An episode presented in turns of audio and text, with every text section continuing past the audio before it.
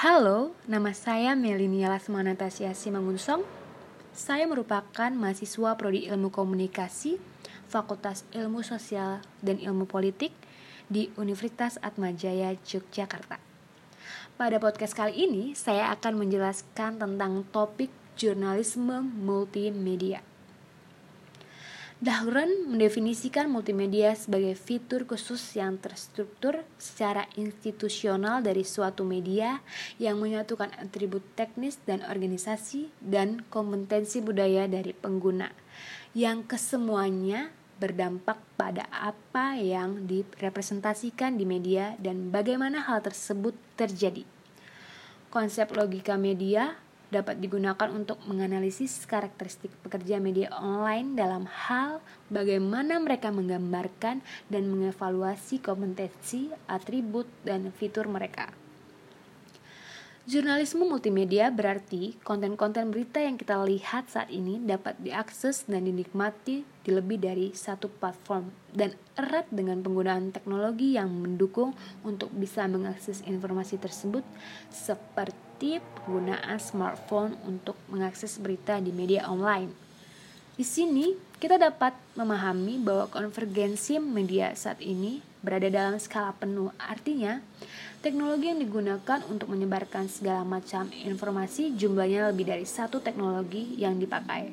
Sehingga berita yang diproduksi memungkinkan produknya beraneka ragam dan dapat disebarluaskan.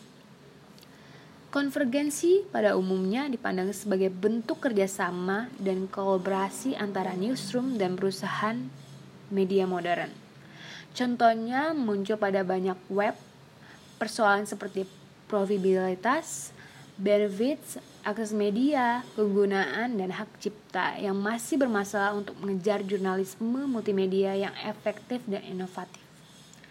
Ada beberapa tahapan jurnalisme multimedia terkini dari awal sampai lebih maju. Yang pertama, wartawan media cetak menyajikan beberapa aspek berita di kamera untuk salinan televisi perusahaan mereka.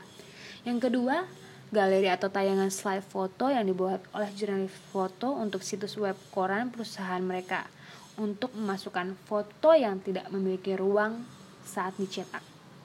Yang ketiga, ringkasan berita yang ditulis oleh media cetak, siaran, atau reporter online untuk digunakan di email atau per peringatan berita online.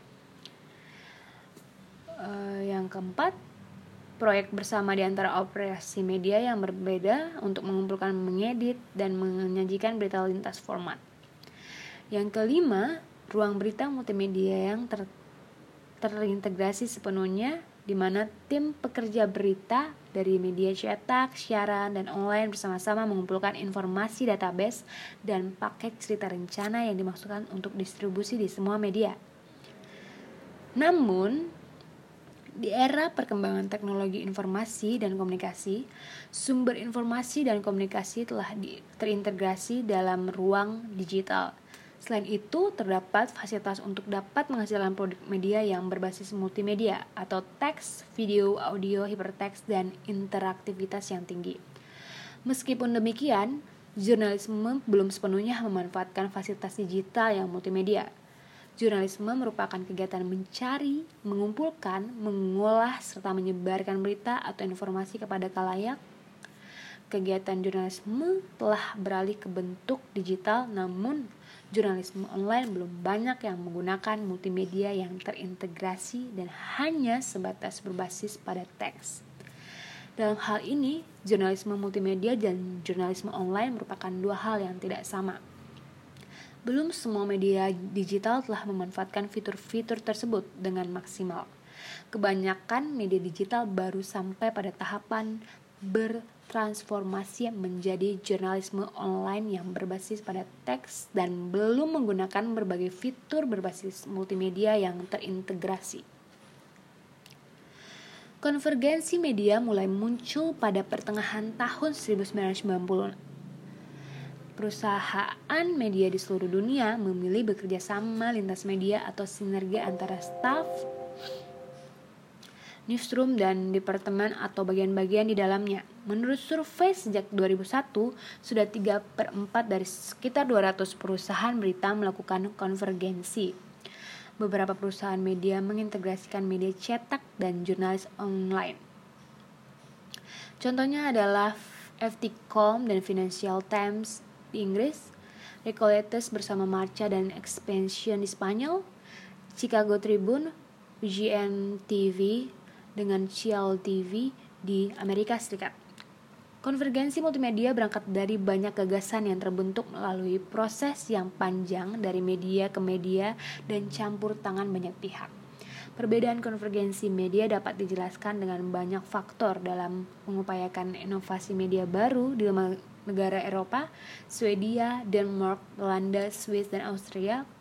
Para ahli mengatakan kurangnya kesepakatan umum bahkan terjadi penggantian visi para ahli akibat konvergensi media.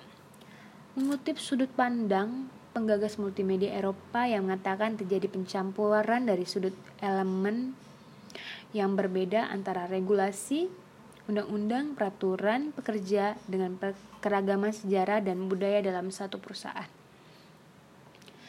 Berdasarkan deskripsi dari pengamatan dari Jen, Singer, dan Pablo sebagai pengamat partisipan dari Amerika Serikat, serta Jan Bierhoff dan Martha sebagai pengamat partisipan dari Eropa, karakteristik dari segi institusional mengenai tingkatan konvergensi antara lain yang pertama kemitraan dengan yang lain atau jurnalistik dan non jurnalistik peran organisasi media untuk menyediakan, mempromosikan, menggunakan kembali berita atau bertukar berita.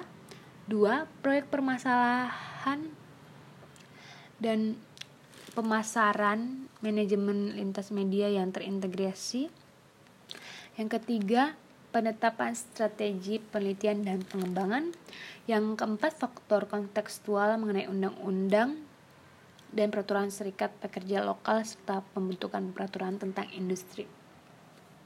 Dari studi yang digerakkan oleh industri seperti laporan online American Press Institute pada tahun 2003 dan Media Report pada tahun 2002 dapat disimpulkan bahwa elemen-elemen yang menjadi kunci dari konvergensi organisasi adalah yang pertama, tingkat komitmen dari konvergensi manajemen, yang kedua, anggaran, strategi, dan jadwal yang ditentukan, yang ketiga, kesempatan yang terjamin untuk mendapatkan pelatihan kembali dan perekrutan atau pemecatan.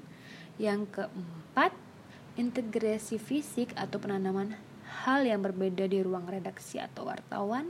Dan yang kelima, sinergi antara departemen yang berbeda termasuk pemasaran, penjualan, peliputan khusus, susunan hierarki manajemen, staf teknis, dan administrasi.